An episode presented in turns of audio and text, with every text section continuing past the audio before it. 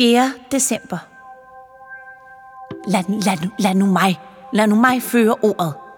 Tønnesen, Tønnesen, Tønnesen. Du må forstå, at jeg er den mest erfarne, og det er i øvrigt mit ansvar. Ja, tak. Hvis du havde levet op til dit ansvar. Ude på trappen kunne man høre de to små nisser skændes. Det var Bartolin Fyrkat og Madame Tønnesen. Umbas forældre var lige taget afsted på arbejde. Umba var blevet hjemme fra skole igen.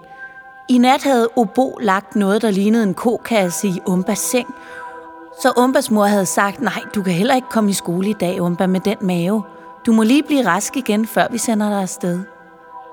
Mormor kommer og kigger efter dig, men hun kan altså først være her klokken to. Kan du være hjemme igen så længe? Ja, ja, sagde Umba.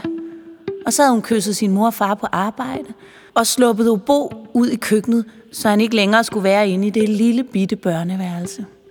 Og nu kunne hun altså ude på gangen høre de to nisser skændes. Hun åbnede døren. Hvorfor kommer I ikke ind? Hvorfor står I derude? Åh, oh, ja, ja, jo, Umba, ser du, sagde fru Tønnesen. Bartolin Fyrkat afbrød hende hårdt. Jeg fører ordet, som sagt. Umba, du er ikke kommet særlig godt fra start som nisseaspirant. Først den oversvømmede skole, og nu denne politihistorie. Og vi er, ja, vi er blevet indkaldt til en disciplinær sag på Nisseakademiet. Så hvis du sidder og går ind og tager noget pænt tøj på, tag dit pæneste tøj på, så, så tager vi afsted med det samme. Nu, sagde Umba. Jamen, jeg har lovet min mor og far at være hjemme. Ja, ja, ja, det ved jeg, Umba. Men du ved, de kommer slet ikke til at opdage noget, og desuden er vi hjemme, før din mormor kommer. Det sværger vi. Ikke, Tønnesen? Jo, i, jo, det sværger vi, sagde Tønnesen, en lille smule fornærmet. Okay, sagde Umba. Hun kom tilbage kort efter i en prinsessekjole med slæb og påfærmer. Fint, meget fint, sagde Bartolin Fyrkat. Og så piftede fru Tønnesen. Og Bo stod straks ved hendes side. Prop ville selvfølgelig også med. Hunden bliver her, sagde Bartolin. Og Umba lukkede forsigtigt døren, mens Prop stod og skrabede på den anden side af væggen.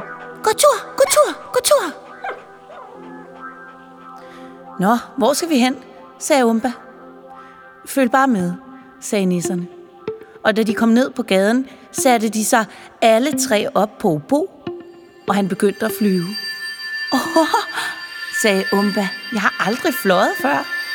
Og slet ikke på en elg. Nej, nej, det er fantastisk, ikke? sagde Madame Tønnesen, mens de kiggede ned på byens tage. Jo, sagde Umba, det er helt fantastisk. Men hvad siger alle menneskene? menneskene, sagde Bartolin Fyrkat. Åh, de ser ingenting. De har så travlt. Nej, nej, de ser kun det, de vil se. Og så fløj de afsted, højt, højt oppe over byen, som Umba kendte så godt. Hun kunne se sin mors arbejde, sin fars arbejde. Hun kunne se deres lejlighed forsvinde længere og længere væk. Hvor skal vi hen? Vent nu bare se. Og som på et tegn satte Obo farten op. Susede op i luftrummet som en raket. Umba klyngede sig til Madame Tønnesen, som klyngede sig til Bartolin Fyrkat, som klyngede sig til Obo. I susende fart gik det. Og inden længe begyndte luften at blive koldere og koldere og koldere. Det var så koldt nu, at den snotklat, der hang ud fra Obos næse, frøs til is. Så er vi ved at være her. Hovedkontoret. Nisseakademiet på Grønland. Hvad? sagde Umba. Er vi i Grønland? Eller på Grønland? Eller hvad det hedder? Nemlig, ja. Det er der, vi er. Er du sikker på, at vi kan nå hjem til klokken to? Ok, ja, og ja, sagde Madame Tønnesen. Stol du blot på os. Obo forsvandt straks over blandt en flok rensdyr og elge, der stod uden for hovedindgangen. Over døren, en kæmpe stor dør af guld, stod der Nissernes Akademi. Der var en højtidlig stemning inde i en stor marmorsal. Og der var hundredvis af små døre, man kunne gå ind og ud af. Det lignede en labyrint. Denne vej, sagde Madame Tønnesen. De fortsatte en lang gang, og så en anden lang gang, og en tredje lang gang, for til sidst at finde ind i et lille støvet kontor allernederst i kælderen. sagde Bartolin Fyrkat, og en skaldet gammel nisse kiggede op fra nogle papirer. Han skyndte sig at tage sin hue på. Hmm, ja, velkommen til. Du må være Umba. Ja, sagde Umba. Lad os tale om sagerne. Hvordan i alverden kunne det gå så galt?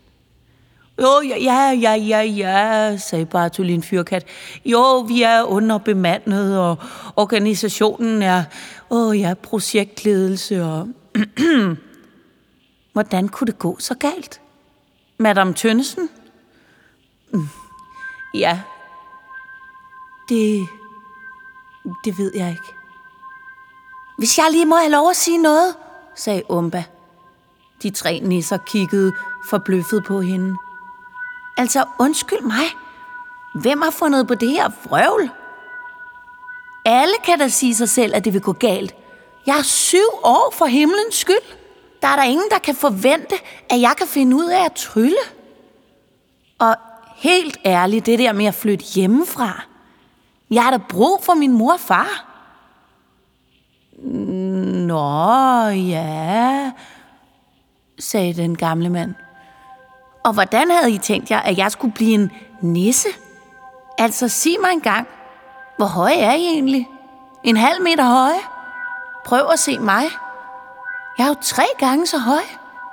Og hvor er julemanden i alt det her halløj? Ham kunne jeg faktisk godt tænke mig at hilse på. Når nu jeg alligevel er her. Øh, af, af, uh, undskyld mig. Øh, lille ven, sagde Madame Tønnesen. Julemanden kommer man ikke bare sådan lige og hilser på. Ju- julemanden er, har travlt, ved du nok. Ja, ja, sagde Umba.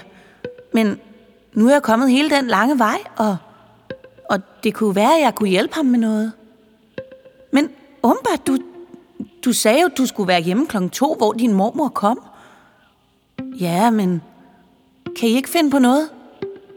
Nisserne kiggede på hinanden. Så blev der stille. Vent her, sagde Bartolin Fyrkat. Jeg kommer tilbage om et øjeblik.